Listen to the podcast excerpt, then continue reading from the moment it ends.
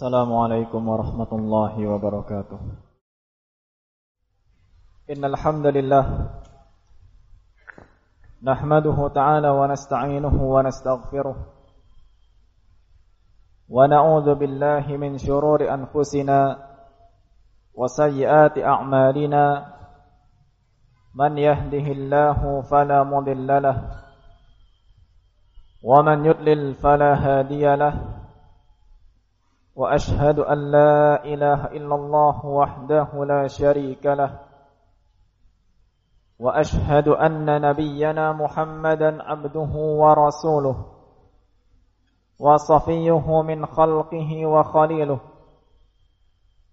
الذي بلغ الرسالة وأدى الأمانة. ونصح هذه الأمة. وجاهد في سبيل الله حق جهاده فكشف الله به عن عباده الغمة. صلوات الله عليه وسلامه وعلى آله وأصحابه ومن سار على نهجه واستنى بسنته ودعا بدعوته إلى يوم الدين. وقد قال الله عز وجل في محكم تنزيله يا أيها الذين آمنوا اتقوا الله حق تقاته ولا تموتن إلا وأنتم مسلمون. وقال عز وجل يا أيها الناس اتقوا ربكم الذي خلقكم من نفس واحدة وخلق منها زوجها وبث منهما رجالا كثيرا ونساء واتقوا الله الذي تساءلون به والأرحام إن الله كان عليكم رقيبا وقال تعالى يا أيها الذين آمنوا اتقوا الله وقولوا قولا سديدا. يصلح لكم أعمالكم ويغفر لكم ذنوبكم. ومن يطع الله ورسوله فقد فاز فوزا عظيما. اعلموا رحمكم الله فإن أصدق الحديث كتاب الله تعالى. وخير الهدى هدى نبينا محمد صلى الله عليه وعلى آله وسلم. وشر الأمور محدثاتها وكل بدعة ضلالة أما بعد. معاشر المسلمين أعزني وأعزكم الله. اتقوا الله اتقوا الله حق التقوى. Faqad fazal muttaqun. Jamaah Jumat yang semoga kita semua senantiasa Allah Subhanahu wa taala karuniai dengan rahmatnya yang luas. Bersyukur kita kepada Allah Azza wa Jal pada kesempatan yang penuh berkah dan mulia ini. Allah masih panjangkan usia kita Allah masih tambahkan taufik dan hidayahnya kepada kita. Dengan taufik dari Allah, Allah mudahkan langkah-langkah kita menuju rumah Allah, menunaikan kewajiban kita kepada Allah Azza wa Jal. Dan penuh harap Allah Subhanahu wa taala menerima amal ibadah kita semua. Dan semoga dalam kesempatan yang mulia ini Allah Subhanahu wa taala senantiasa menambahkan keimanan dan ketakwaan kepada kita semua. Sembari kita berusaha untuk menjaga dan selalu meningkatkan ketakwaan kita kepada Allah. Dengan penuh harap kembali nantinya Allah Subhanahu wa taala memanggil kita untuk menghadapnya dalam kondisi yang husnul khatimah. Ma'asyiral muslimin, a'azzakumullah. Hidayah Allah, ilmu agama, tidak kita pungkiri adalah sesuatu yang sangat-sangat kita butuhkan ketika kita masih diberi usia oleh Allah Subhanahu wa taala. Imam Ahmad bin Hanbal beliau mengatakan An-nasu ilal ilmi ahwaju minhum ila ta'ami wasyarab. Manusia itu lebih membutuhkan ilmu jika dibandingkan dengan kebutuhan mereka terhadap makan dan minum. Lianna ar-rajula yahtaju ila at-ta'ami wasyarabi fil yaumi marratan aw marratai. Karena seseorang bisa saja mungkin saja dia membutuhkan makan dan minum dalam satu harinya cukup satu atau dua kali. Dan dengan demikian dia masih bisa hidup. wa hajatuhu ilal ilmi bi'adadi anfasihi namun kebutuhannya terhadap ilmu dan khususnya ilmu agama ini adalah sejumlah nafasnya Mengapa demikian jamaah Jumat yang dirahmati Allah? Karena sesungguhnya sejak manusia itu bangun dari tidurnya hingga dia tidur kembali bahkan di dalam tidur itu sendiri Nabi kita yang mulia Muhammad sallallahu alaihi wa ala alihi wasallam telah mengajarkan semua sunnah-sunnahnya dan tidak satu adab pun melainkan beliau telah mengajarkannya kepada kita semua. Maka dari itu Allah subhanahu wa ta'ala wajibkan para hambanya Untuk senantiasa menggali Untuk senantiasa mencari Ilmu yang telah diajarkan oleh nabinya Sallallahu alaihi wa ala alihi wasallam. Sebagaimana terucap dari lisan Nabi kita yang mulia sallallahu alaihi wasallam dalam hadis yang diriwayatkan oleh Imam Ibnu Majah dan dinilai sahih oleh Al-Albani. Beliau bersabda, "Talabul ilmi fariidatun ala kulli muslim." Menuntut ilmu adalah kewajiban yang harus dikerjakan oleh setiap muslim. Jamaah Jumat yang dirahmati Allah Subhanahu wa taala. Dalam peribahasa yang sering kita dengar, sebuah ungkapan malu bertanya, sesat di jalan. Yang maknanya ketika kita segan untuk bertanya pada perkara yang memang kita tidak tahu, maka sesungguhnya rasa malu kita, segannya kita untuk bertanya, akan menjadi sebuah sebab kerugian untuk diri kita sendiri.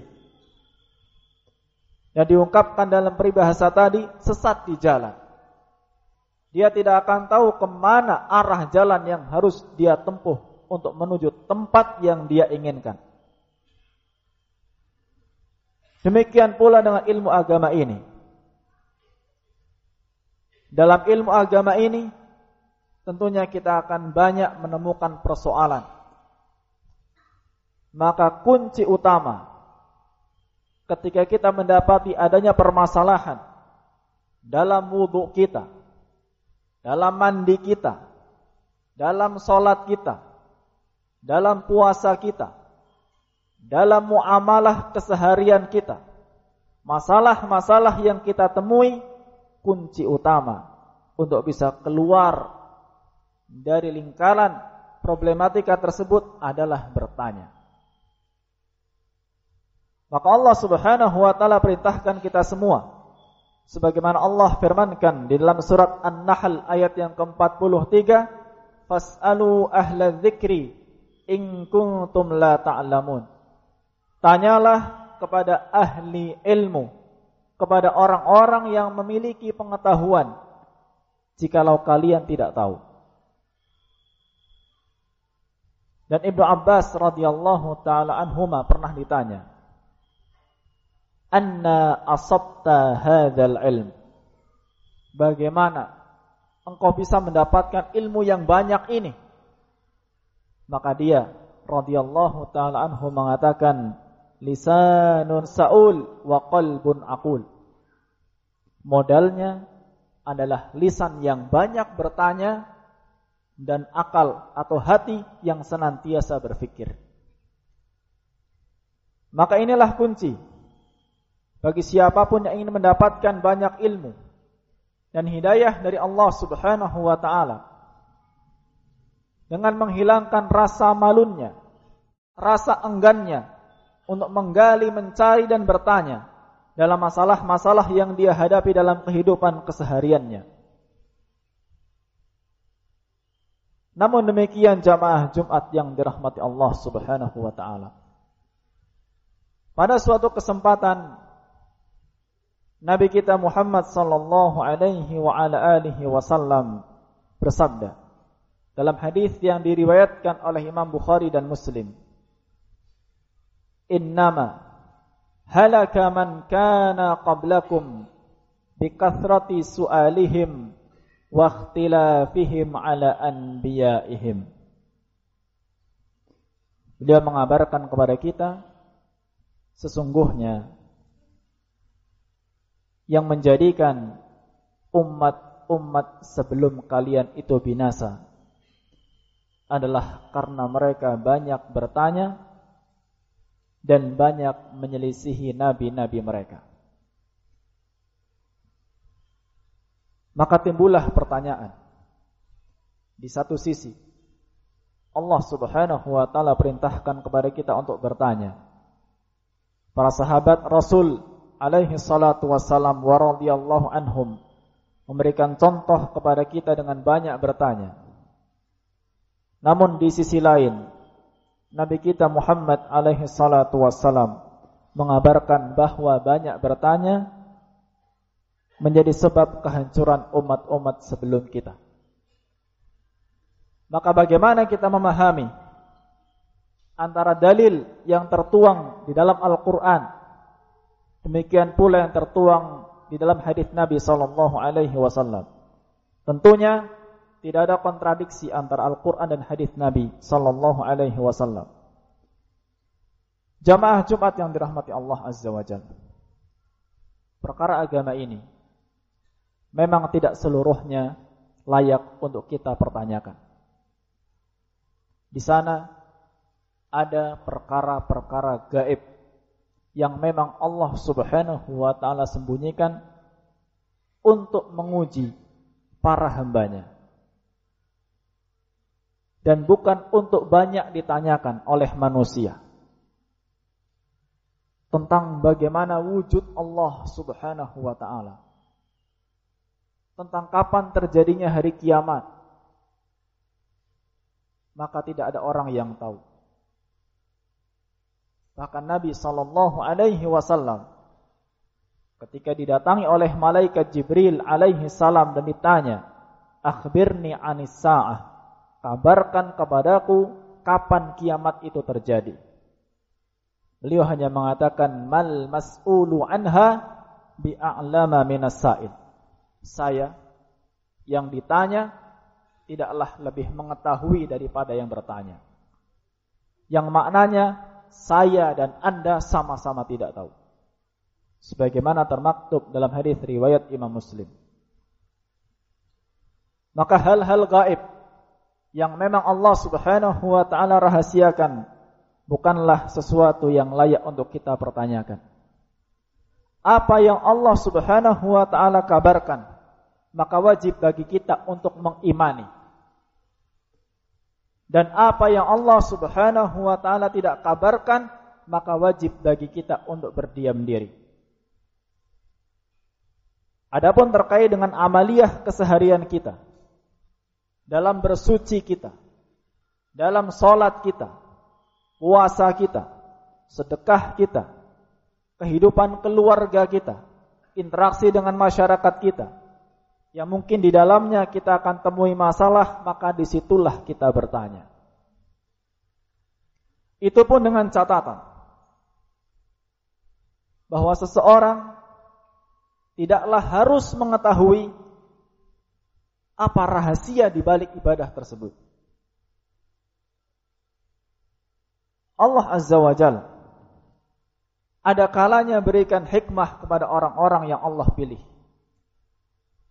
Dan ada kalanya Allah sembunyikan hikmah itu dari sebagian hamba yang Allah Subhanahu wa taala kehendaki. Mungkin sebagian pernah muncul dalam benaknya beberapa pertanyaan. Mengapa sholat kita harus lima waktu? Kenapa tidak tiga? Kenapa tidak satu? Kenapa harus setiap hari? Kenapa tidak sepekan sekali? Kenapa puasa harus di bulan Ramadan? Kenapa tidak di bulan yang lain? Kenapa harus satu bulan penuh? Kenapa tidak satu pekan saja? Semua itu sesuatu yang tidak Allah Subhanahu wa taala sampaikan kepada diri-diri kita. Maka tugas kita, kewajiban kita ketika Allah Subhanahu wa taala perintahkan dengan suatu amalan dan ketika Allah Subhanahu wa taala larang dari suatu amalan kewajiban kita adalah sami'na wa ata'na.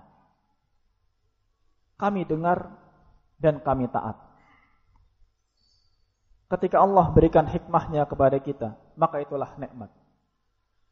Namun ketika Allah Subhanahu wa taala tidak berikan hikmahnya kepada kita, bukan berarti kemudian kita tinggalkan apa yang Allah perintahkan atau malah justru kita mendatangi apa yang Allah Subhanahu wa taala larang. Di mana sebuah ilustrasi sederhana. Sebuah pasukan. Ketika di antara mereka ada yang kemudian diperintahkan untuk berlari.